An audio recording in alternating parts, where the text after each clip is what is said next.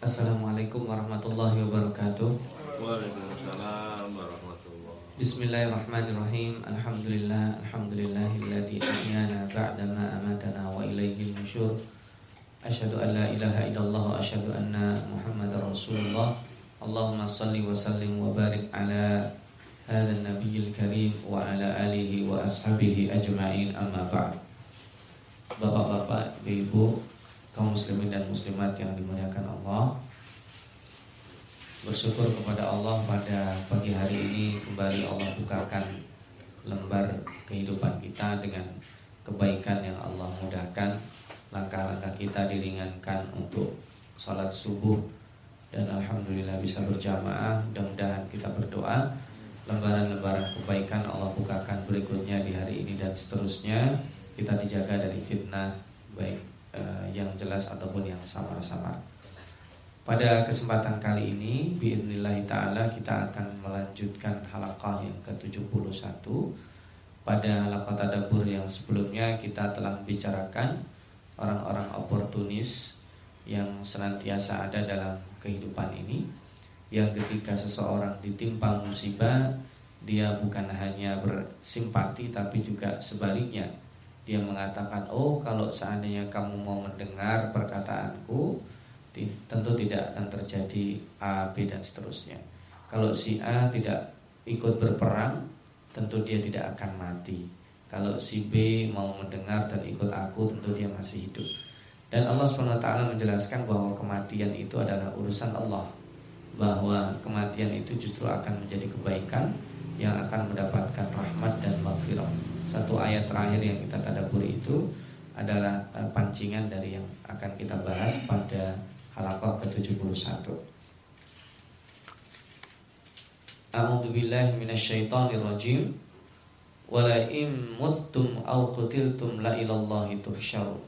Setelah kemarin Allah SWT memberikan sinyal bahwa kematian itu menjadi pintu terbukanya maghfirah dan rahmat wala in qutiltum fi sabilillah aw muttum la maghfiratun minallahi khair wa rahmatun khairun mimma yajma'un. Kematian itu menjadi pintu terbukanya rahmat dan maghfirah bagi orang-orang yang disayangi Allah. Kenapa? Karena hanya kepada Allah kita akan dikembalikan. Jadi kembali kepada Allah itu tau'an au karha orang-orang yang percaya, orang-orang yang tidak percaya, orang-orang yang baik, orang-orang yang tidak baik, orang-orang yang siap, yang tidak siap. Itu la ilallah itu syar akan dikumpulkan kembali di tempat itu, yaitu di tempat Allah Subhanahu wa taala. Maka kembali diurang rahmat ini dan ini pintu uh, nasihat Allah yang sesungguhnya. Fabima rahmatin minallahi lintalahum walau kunta faddan ghalidhal qalbi lan faddu min hawli dan sebab karena rahmat Allah Subhanahu wa taala kepadamu Muhammad sehingga engkau bisa berbuat baik kepada orang-orang. Jadi sebenarnya kita berbuat baik itu ada nisbah. Nisbah maksudnya apa? Bahwa kita berbuat baik itu adalah taufik dari Allah Subhanahu wa taala ini yang sangat abstrak yang jarang kita sadari. Yang non abstrak itu lebih mudah kalau kita mendapatkan rizki berbentuk materi tanpa kita duga. Banyak beberapa di antara kita yang mengatakan bahwa rizki itu tidak ada kaitannya dengan Allah. Di antara kita bahwa itu murni usaha kita. Tapi coba kita pikirkan. Dalam materi-materi itu yang diberikan Allah kepada kita, berapa persen yang predictable? Berapa persen? Meskipun kita itu PNS, meskipun kita mendapatkan gaji bulanan atau mingguan atau harian, apakah benar itu 100% atau nggak usah 100%? Di atas 70% kita bisa memprediksi.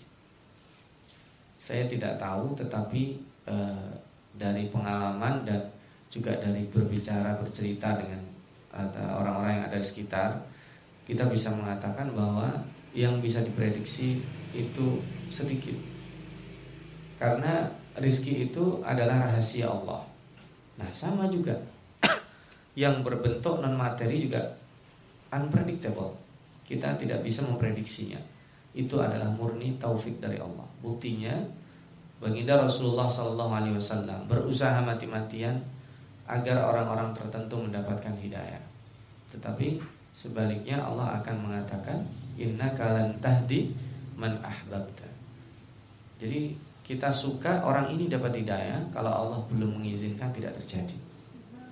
Ada kalanya orang-orang ini sudah mati-matian kita kasih ini kita dekati kita berikan nasihat tidak mendapat hidayah. Tapi ada kalanya orang-orang yang tidak kita prediksi sekali sentuh dengan kata-kata, dengan perbuatan, dengan terkesan uh, apa karena sebab kita, maka Allah berikan hidayah itu. Makanya nanti juga ada hadis lagi uh, li ayah dia li ayah dia rajulan wahidan li ayah dia kallahu bika rajulan wahidan khairun laka min khumurin na'am.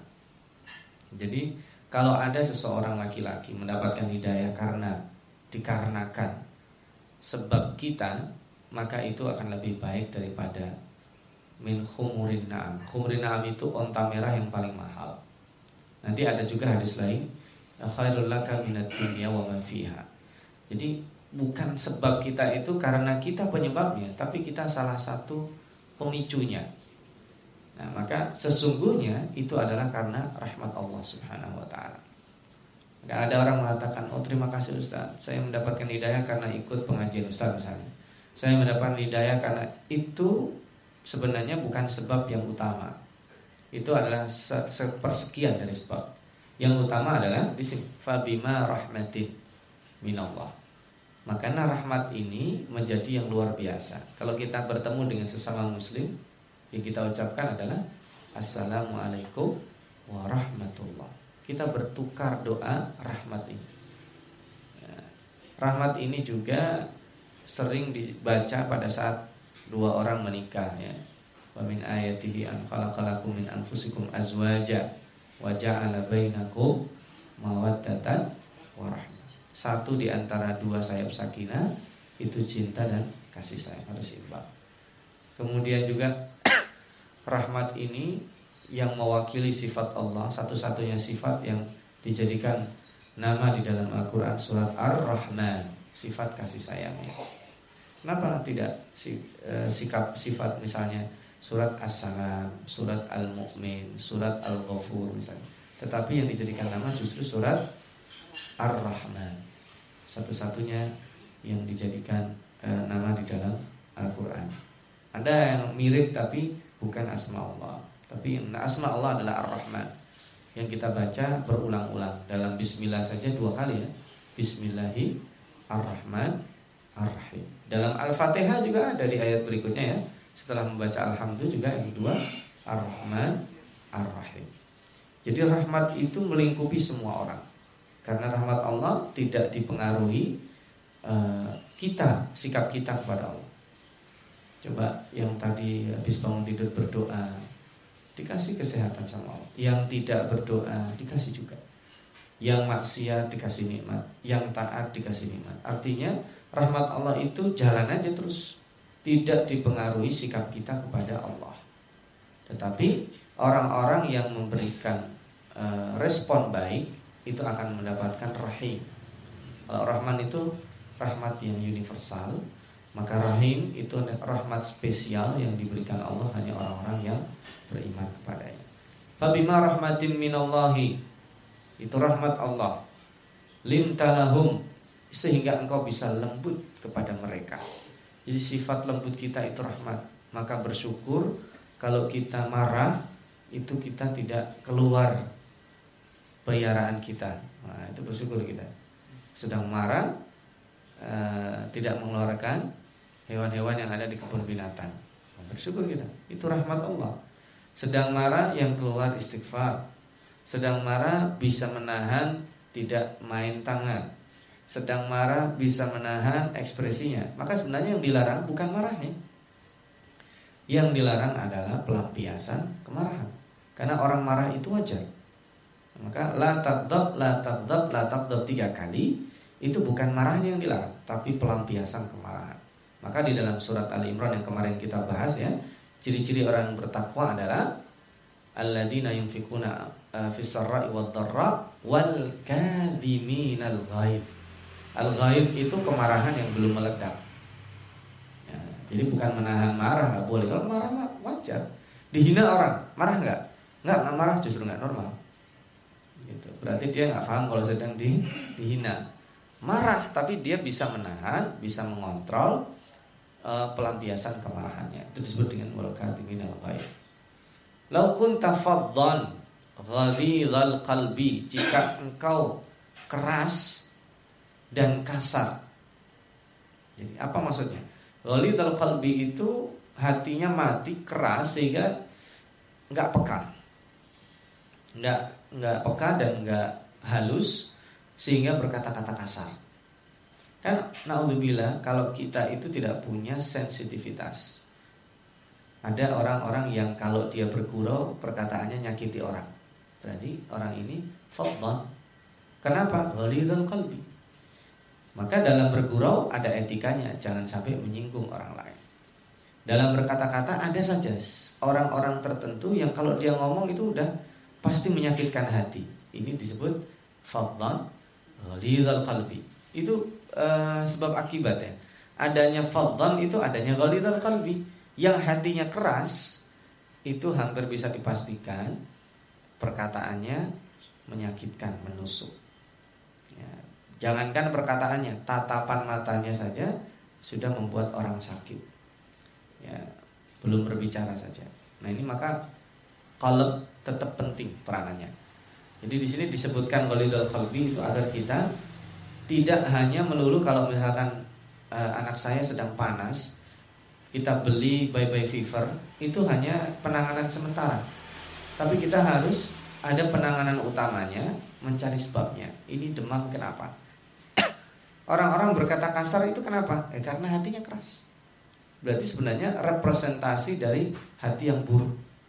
Perkataan-perkataan kasar kan ada orang, wah dia berkata-kata kasar itu sebenarnya hatinya baik. Tidak, tidak ada itu. Orang yang berkata-kata kasar Orang yang suka maki-maki berbuat baik ada iya, tapi hatinya baik entar dulu. Karena walidul kalbi itu adalah cerminan uh, ketika dia keluar fadlnya. Itu ya. Lan fadlu min haulik. Jika itu terjadi maka orang berpaling darimu. Dan itu seorang dai, seorang uh, distributor kebaikan, seorang agen kebaikan sebaiknya melembutkan hatinya dulu. Dengan apa? Pelembutan hati itu Ya dengan berzikrillah. Ala berzikrillah tatmainnul qulub. Banyak zikir dulu nanti akan lembut hatinya. Maka Allah ajarkan jika seseorang berbuat salah pada kita, apalagi orang itu adalah orang-orang yang satu tim. Ini peristiwanya adalah peristiwa Uhud. Kata Allah ada tiga step yang kamu harus lakukan Muhammad. Yang pertama fa'fu anhum, maafkan mereka. Itu biasanya mentok bagi kita. Sampai di sini aja. Masih ada dua step yang berikutnya sebenarnya. Yang kedua wastagfir Kamu beristighfar untuk mereka. Yang ketiga wasyawirhum fil amr dan ajak diskusi kembali dalam per, per, permasalahan mengatur siasat perang. Ini kalau dilihat dari terjemahan tekstual di hari itu, ayat ini turun karena kesalahan yang dilakukan oleh beberapa pemanah. Itu tidak langsung game over itu. Ini gara-gara kamu loh kita kalah. Nggak ada. Tidak boleh kayak gitu. Meskipun betul salah karena dia, itu kata Allah apa? Fa'fu anhu, maafkan. Yang kedua, wastaghfirlahu. Itu akhlak. Yang ketiga, wasyawirhum fil amr, jangan kapok melibatkan mereka. Itu yang luar biasa. Tiga ini sulit untuk dilakukan. Kita nomor satu itu udah kita lakukan udah mending itu. Ada orang-orang satu tim yang karena dia kemudian kita jadi sengsara, fa'fu anhum itu sudah mentok, udah maksimal. Jarang di antara kita setelah memaafkan orang kemudian menengadahkan tangan, apalagi di malam hari ya Allah, aku sudah memaafkan dia. Astaghfirullahaladzim li walahu. Saya minta ampun untukku ya Rob dan untuk dia yang secara alaqah manusia insaniahnya saya sudah maafkan ya Rob. Itu jarang sekali kita lakukan. Padahal itu adalah penyebab pintu terbukanya hatinya. Jadi kalau kita ingin membuka hati orang, minta yang punya hati. Allah Subhanahu wa taala. Hubungan kita ada masalah dengan keluarga kita, kita ada masalah dengan anak kita, kita ada masalah dengan tetangga kita, kita ada masalah dengan kolega bisnis kita, kita ada masalah dengan atasan kita, kita ada masalah dengan banyak hal. Itu jarang kita mengetuk Allah dulu. Harusnya kan gitu. Ya Allah, saya ada masalah dengan si A, tolong bukakan hatinya. Dengan orang tua, dengan anak, dengan istri, dengan suami. Itu yang diketuk Allahnya dulu maka wastaghfir lahu dan wasyawirhum fil amr ini puncak akhlak itu. Jadi orang sudah tidak kita X. Karena kalau udah ngelakuin salah, ah, jangan harap saya ajak ngomong lagi kamu dalam masalah ini. Di X kita sangat mudah sekali menyetempel orang yang menyebabkan kegagalan kita. Ketika ada, oh kalau dia, oh maaf ya, saya nggak akan melibatkan dia lagi. Padahal kata Allah di sini, wasyawirhum fil amr. Dan kata Allah, fa idza azamta fatawakkal Allah. Kalau kita bertekad, azam itu sudah ada, sudah tawakal kepada Allah. Innallaha yuhibbul mutawakkilin. Kalau memang sudah secara manusiawi sudah kita tempuh ya udah tawakal kita.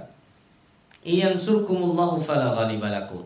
Jika Allah menolong kalian, fala ghalibalakum, maka tidak ada seseorang yang menghalangi kemenangan itu. Wa iyyahdzulkum faman yansurukum min ba'dih. Tapi sebaliknya jika Allah menghinakan khazala itu kan itu. Jika Allah membiarkan kita dalam kehinaan, jika Allah membiarkan kita dalam kesengsaraan, jika Allah tidak turun tangan bahasa uh, peribahasanya, maka siapa yang akan menolong kita? Wa 'alallahi falyatawakkalul mu'minun. Ini uh, begini, kalau tadi innallaha, kenapa Allah tidak mengatakan innallaha yuhibbul mu'minin? Innallaha yuhibbul mutawakkilin. Lalu kemudian yang berikutnya wa 'alallahi falyatawakkalul mu'minun. Itu namanya kalau dalam bahasa Indonesia majlis bertingkat. Maksudnya Allah ingin menjelaskan kaitan tawakal dan iman. Allah menyukai orang-orang bertawakal. Lalu orang-orang yang bisa bertawakal itu siapa? berarti orang yang beriman. Jadi iman dan tawakal itu erat. Orang yang sanggup bertawakal adalah orang-orang yang imannya baik. Dan orang yang bertawakal adalah orang yang sedang memproses dirinya menuju kesempurnaan iman. Makanya wa 'alallahi falyatawakkalil mu'minun. Nanti ada juga falyatawakkalil mutawakkilun, tapi di sini konteksnya adalah bahwa falyatawakkalil mu'minun Allah juga mencintai orang-orang yang beriman yang proses imannya itu menuju kesempurnaan. Belum sempurna ya menuju kesempurnaan. Lalu Allah Subhanahu wa taala ingin menggelitik kita. Ini ayat sebenarnya kalau kita baca lucu. Lucu dalam artian begini bukan ayatnya lucu ya nanti itu salah menafsirkan. Uh, harusnya ayat ini tidak mem, uh, tidak perlu diberikan kepada kita kita kok seudon sama Nabi itu harusnya tidak perlu. Coba kita baca. Wa maka nali nabiyin ayyahul dan tidak mungkin Nabi itu berkhianat terhadap harta rampasan perang. Jadi begini, ada orang-orang itu curiga kepada Nabi Muhammad tidak adil dalam membagi harta rampasan perang. Nanti ini prosesnya panjang. Kalau ini kan begini, ayat ini ada itu kenapa? pada saat peperangan Uhud sudah nyaris dimenangkan umat Islam, apa yang terjadi? Yang di bawah orang dalam tanda kutip itu dilihat dari atas itu seolah-olah mereka berebutan harta rampasan perang. Berebutan itu kan kalau dalam bahasa kita apa? Seseorang berebutan harta itu dalam dalam bahasa kita apa? Khawatir kalau nggak kebagian kan? Nah, khawatir kalau nggak kebagian itu berarti apa? Berarti ada proses yang tidak adil. Ini kalau dalam bahasa Jawanya itu dalam sekali nasihat Allah. Jadi sebenarnya apa yang kalian khawatirkan sehingga merasa tidak akan kebagian? Apakah Nabi Muhammad nilep bahasanya? Ya kan? Maka dari Nabi ayahul Gak mungkin Nabi itu nilep Lalu kalau seandainya itu pasti Kalian duduk uh, di atas saja kalau seandainya pasukan-pasukan yang ada di atas yang jumlahnya cuma 50 orang itu ya belum tentu juga akan akan kalah. Tapi ini kan Allah mengingatkan, kalau posisinya disuruh di situ ya jangan turun. Oh tapi yang di bawah sedang rebutan. Kalau saya nggak turun nggak kebagian. Nah, nggak kebagian itu yang membuatkan kalian khawatir apa? Nah ini masalahnya. Allah langsung nyinggung seperti Kenapa kalian merasa bahwa itu akan mengakibatkan kalian nggak kebagian? Sebabnya apa? Sebabnya kalau kalian bersuudzon bahwa itu akan ditilep sama Nabi Muhammad itu berat sebabnya. Jadi kita nggak kebayang bahwa ayat ini ada gitu. Berarti Allah menyelipkan ayat ini ada sebagian orang yang hatinya seperti ini. Ini karena manajemen nggak beres ini orang-orang rebutan itu. Padahal orang-orang rebutan itu nggak semua. Itu kan kalau sampai mengakibatkan pasukan yang memanah 50 orang, yang bertahan kan cuma beberapa orang aja. Mayoritasnya mereka turun. Nah, itu ada ada masalah itu. Sama ketika yas alunaka anil anfal. Kita kita membayangkan para sahabat yang dikenal itu tiba-tiba bertanya tentang harta rampasan perang. Karena kita kan, oh aib itu. Sebentar, bukan aibnya, bukan bukan pertanyaannya. Maka jawaban Allah tidak langsung. Baru dijawab itu di ayat ke-41. Karena masalah teknis itu gampang. Tapi yang diobati, kenapa pertanyaan itu muncul? Ya kan? Kalau nanya, ya ya Rasulullah, ini harta rampasan perang ini gimana nih? Itu sebenarnya tidak perlu tanya. Rasul sudah tahu cara membaginya. Ketika pertanyaan itu muncul, berarti ada sesuatu. Nah itu yang diobati oleh Allah sepanjang 40 ayat di surat Al-Anfal Nanti kita akan Bismillah kalau sudah sampai akan kita bahas. Nah ini juga gitu. Apa yang menyebabkan kalian itu sampai berebutan harta rampasan perang? Maka nali nabiin ayyahul. Al-ghul di sini Al-ghulul dari ghulul adalah uh, Bahasa Indonesia tadi itu Ini mengambil sesuatu kalau dalam konteks aslinya mengambil sesuatu dengan diam-diam supaya tidak diketahui orang lain terhadap suatu harta sebelum dibagi. Nah, itu di sini yang dimaksud al-hulul itu. Oke, kita sudah sepakat saya sama Bapak ya. Ini uh, kita dapat 100, nanti saya dapat 40, Bapak 60. Nah, dari 100 itu saya ambil dulu 20. Gitu. Baru 80-nya kita bagi 40 60. Nah, itu disebut dengan al-hulul. Nah itu kekhawatiran yang ada di dalam sebagian kecil Tetapi fenomena itu menular. Maka Allah perlu menurunkan ayat ini. Maka nabi nabiin ayyahul Gak mungkin itu dilakukan oleh kekasihku. Wa mayyaglul ya'ti bima ghalla yawmal qiyamah. Dan orang-orang yang akan atau sudah melakukan hulul Yaitu mengambil diam-diam sebelum dibagi itu akan terbuka kedoknya di hari kiamat. Makanya kita kalau yang udah sepakat bagi-bagi jangan coba-coba nilep dulu baru dibagi. Nah, ya kalau itu sudah bagian kita ya pasti dapat. Dan itu untungnya nggak seberapa, sedikit. Makanya kadang kita ngelus dada ya. Kita hidup di negara yang kejujuran itu hilang. Padahal ketika dia tidak jujur, dapatnya juga nggak banyak-banyak banget.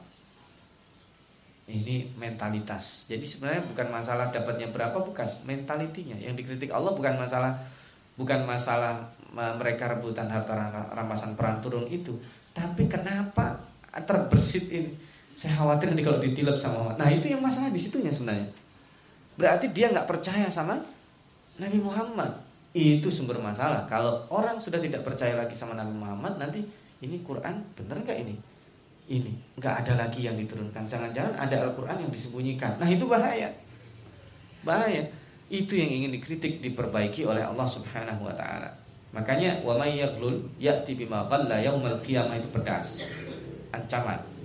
thumma tuwaffa kullu nafsin ma kasabat wa hum la yudlamun dan nanti setiap orang akan dimatikan diwafatkan oleh Allah membawa apa yang bima kasabat yang dia lakukan. Dan tidak didolimi. Seseorang nggak pernah didolimi. Wahum la Maka kata Allah, "Afaman ittaba'a ridwanallahi kaman ba'a wa ma'wahu jahannam." Apakah orang yang mengikuti jalan keridhaan Allah seperti hanya orang yang menjebakkan, menjerumuskan dirinya pada kebencian dan kemurkaan dari Allah. Beda, jauh. Orang itu akan mendapatkan jahanam wa bi'sal masir. Sementara para nabi dan pengikutnya hum darajatun indallahi wallahu basirun bima ya'malun.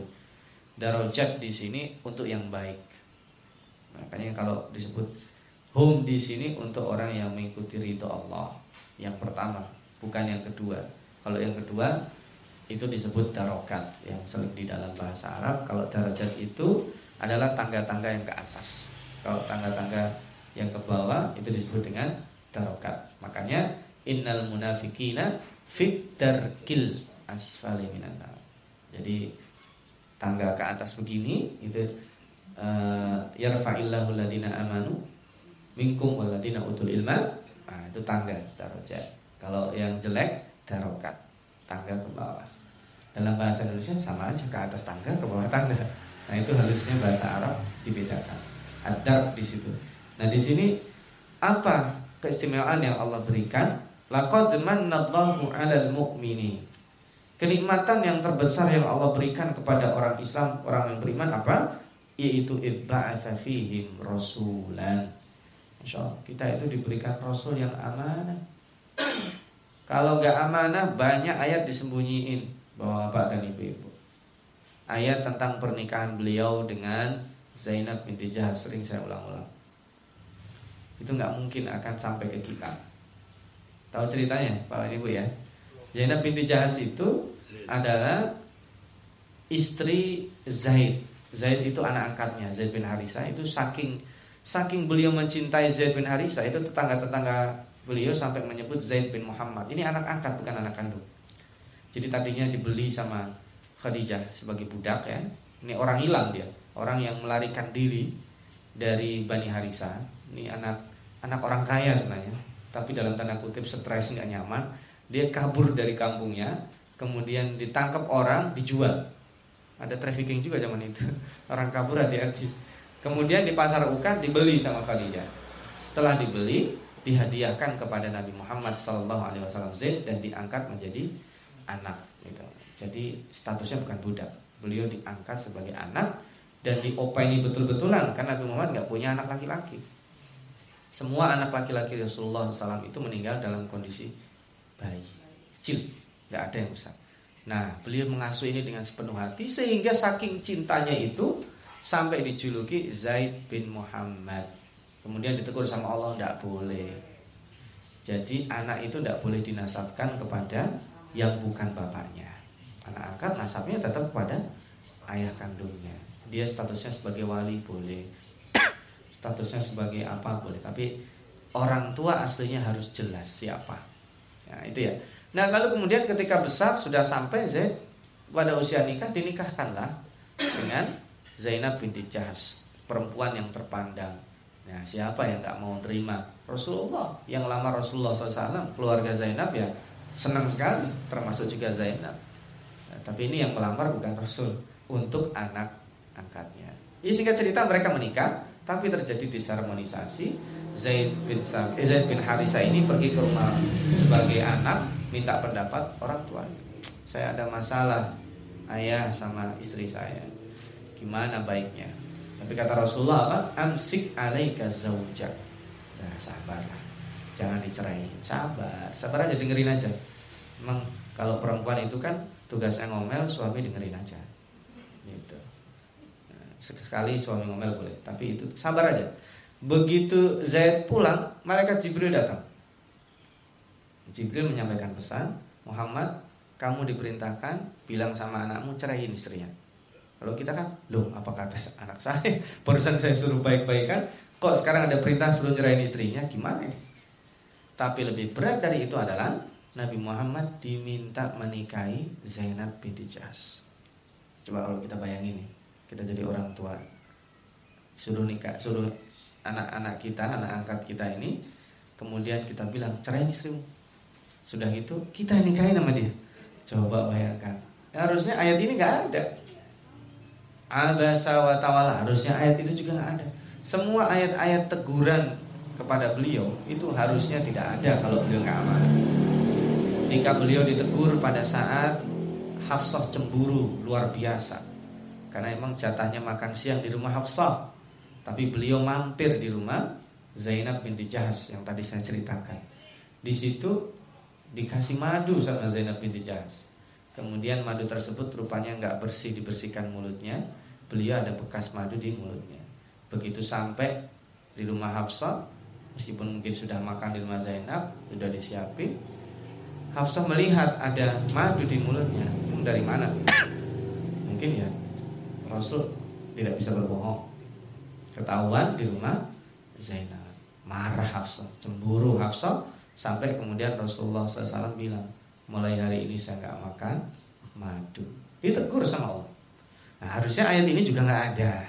Jadi banyak sekali dalam Al-Quran kalau kita berpikir dari sudut pandang Rasulullah SAW ditegur oleh Allah Subhanahu Wa Taala dengan keras itu tidak ada. Maka kita diberikan fihim rasulan min anfusihim dia itu adalah utusan Allah dari kalangan manusia, dari kalangan kalian bangsa Arab dulu nih. Min anfusim itu awalnya untuk mereka, tapi kemudian secara luas adalah dari golongan manusia. Kenapa Nabi itu tidak dari golongan malaikat? Nanti orang akan bisa berhujah. Wah, ajaran Islam itu sulit. Kami nggak bisa niru. Kenapa? Ya nabinya malaikat, nggak punya nafsu sama perempuan dan harta. Kita akan hujah kayak gitu.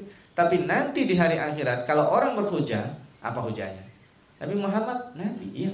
Makan nggak? Makan. Menikah nggak? Menikah. Punya anak nggak? Punya anak. Pergi ke pasar nggak? Pergi ke pasar. Berperang nggak? Berperang. Apa yang tidak dilakukan Rasul? Dilakukan oleh hampir semua manusia. Jadi ketika nanti di sidang, manusia mau punya alasan apa? Gak bisa. Saya sibuk. Nah Rasul apa sibuknya? Kemudian saya punya istri lebih dari satu. Rasul istrinya apa? Sembilan. Dalam artian itu kehususan. Tapi kemudian dengan memanajemen keluarga dengan istri Rasul kan itu kan istri Rasul, nggak cemburu. Itu saya satu aja cemburu. Dulu siapa bilang istri Rasul itu cemburunya luar biasa. Terjadi perang dingin antara kubu ini kubu itu biasa itu. Bisa ngelola. Kenapa? Nah itulah. Sehingga nantinya orang tidak bisa berhujang. Saya anak saya banyak, makanya nggak sempat saya itu beribadah. Nah Rasulullah SAW bukan hanya anak kandung, dia punya anak ya, anak yatim yang diasuh.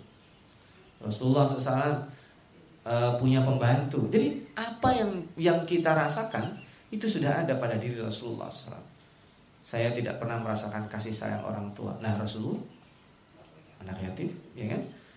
Uh, biasanya orang sukses itu orang yang miskin Nah, Rasulullah siapa bilang Rasulullah miskin? Kaya juga.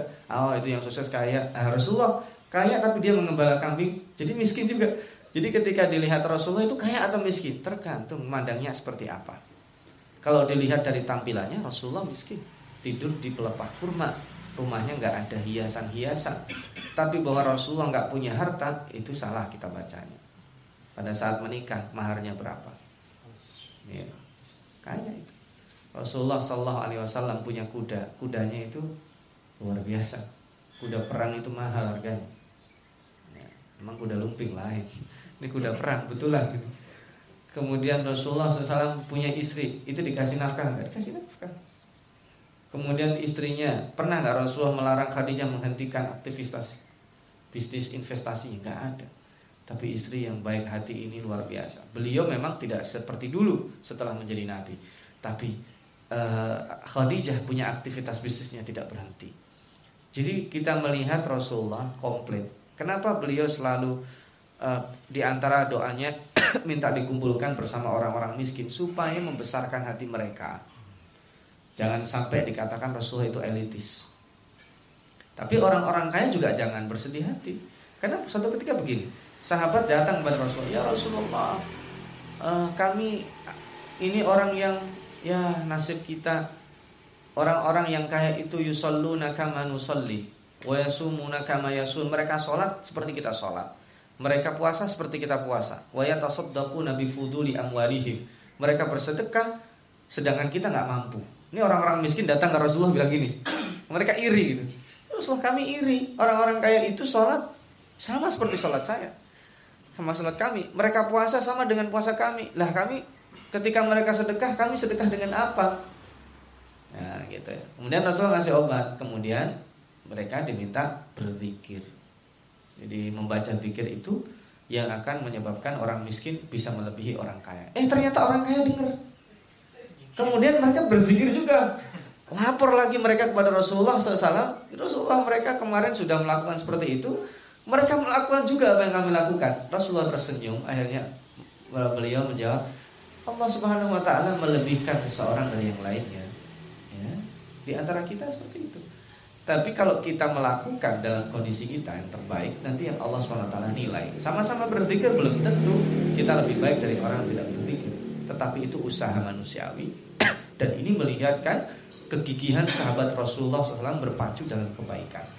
Jadi sebenarnya kita sangat beruntung sekali diberikan seorang Rasul yang amanah, seorang Rasul yang perhatian kepada umatnya. Yatslu alaihim ayatih yang membacakan Al-Quran semuanya tidak. Ini tadi kan yang curiga ditilep ya. Tidak ada harta yang ditilep Rasul. Ayat tidak ada, semua dikasihkan sama kita. Dia kalau ada orang mengatakan ini ada ayat yang tersembunyi, ah, dia berarti menuduh Rasul menyembunyikan. Wa yuzakkihim dan mendoakan menyucikan minta ampun untuk kaumnya. Wa yu'allimuhumul kitab wal hikmah. Kemudian mengajarkan Alkitab dan hikmah. Wa in kanu min qablu la fi mubin. Dan mereka berada dalam kegelapan, kesesatan sebelum Rasul diutus awalan ma asabatkum musibatun qad asabtum mithlaiha ketika engkau dapat musibah pada perang Uhud ya banyak yang terbunuh seolah-olah hampir kalah qad asabtum mithlaiha dan sebenarnya kalian sudah menyebabkan orang-orang kafir itu kalah dua kali pada perang Badar dan pada perang Uhud di awalnya itu makanya disebut mislaiha nah, kadang kita merasakan kena musibah sekali merasa aduh saya kok sial terus gitu. Padahal sebenarnya kesialan itu sudah datang pada orang kafir dua kali lipat. Nah, kita rasakan baru satu. Yang dirasakan orang kafir dua kali lipat, kalah di Badar dan kalah di awal-awal perang Uhud yang terbunuh sudah banyak. Itu disebut mislaiha. Kultum anahada kok ini bisa terjadi kalah kayak gini? Kul katakan Muhammad huwa min indi anfusikum itu karena kesalahan yang kalian lakukan. Nah, tadi itu Kesalahan fisiknya adalah orang-orang itu tidak taat sama Nabi Muhammad. Kesalahan non fisiknya itu akidahnya Allah udah kritik. Maka nabi nabiin ayakul. Jangan sekali-kali ada otak kalian mengatakan Muhammad mau nilep itu harta. Muhammad nggak jujur, nggak adil dalam membagi harta. Karena Muhammad nanti itu baginya bukan sama. Ini untuk muhajirin yang ansor nggak. Nanti dikipas-kipasin lagi sama orang yang nggak suka.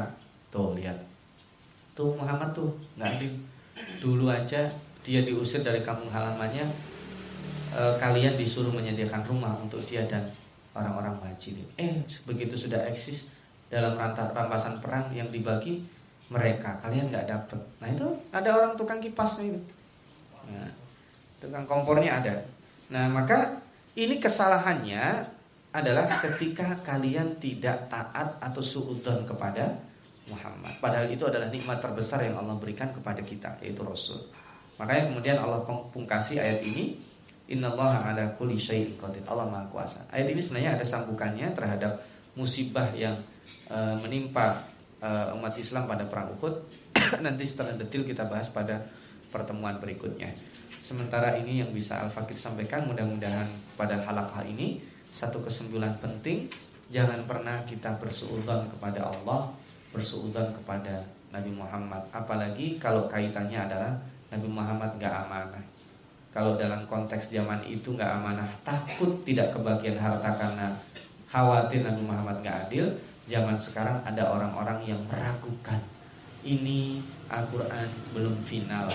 Ada yang disembunyikan oleh Muhammad yang berkaitan dengan Imam Ali. Ada orang katakan gitu. Ada ayat-ayat Al-Quran yang memuji Imam Ali sahabat Ali tapi disembunyikan sama Nabi Muhammad. Wah itu adalah fitnah yang terbesar yang diberikan kepada Nabi Muhammad. Nabi Muhammad adalah orang-orang yang amanah di antara orang yang amanah yang Allah sebut di sini lakot mana nikmat yang terbesar yang Allah berikan pada umat Islam adalah diutusnya Nabi terbaik. Ini mudah-mudahan kita bisa semakin mencintai Rasulullah SAW dan kemudian mengamalkan ajaran yang dibawanya. Nanti kita akan lanjutkan dalam dialog Aku hadza ja'alana Allah wa iyyakum minal ladzina yastami'una al-qawla fayattabi'una. Wassalamualaikum warahmatullahi wabarakatuh.